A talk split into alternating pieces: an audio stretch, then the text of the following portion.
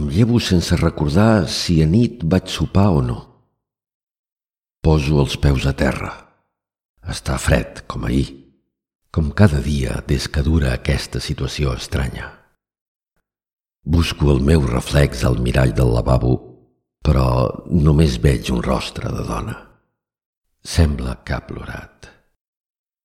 És l'endemà, o l'endemà passat, no n'estic segur perquè ara tots els dies són iguals.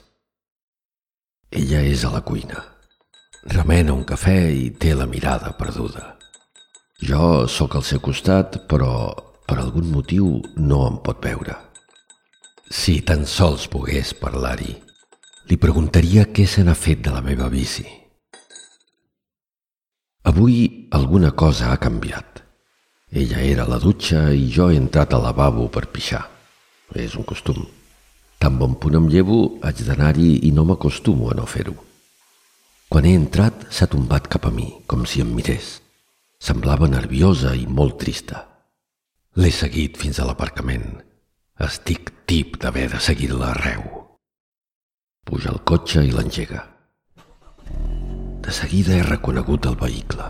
Un tot terreny gris amb un bony al costat dret. Just on la miro i sento una fiblada al pit, una mena de neguit inútil. Ja no hi puc fer res. Ella tampoc. I tanmateix, mentre el garatge es va omplint de fum, penso que potser podria prémer la botzina i alertar els veïns.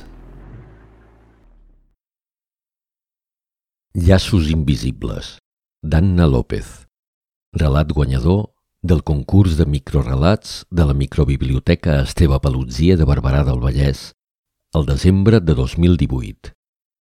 Enregistrament en veu alta.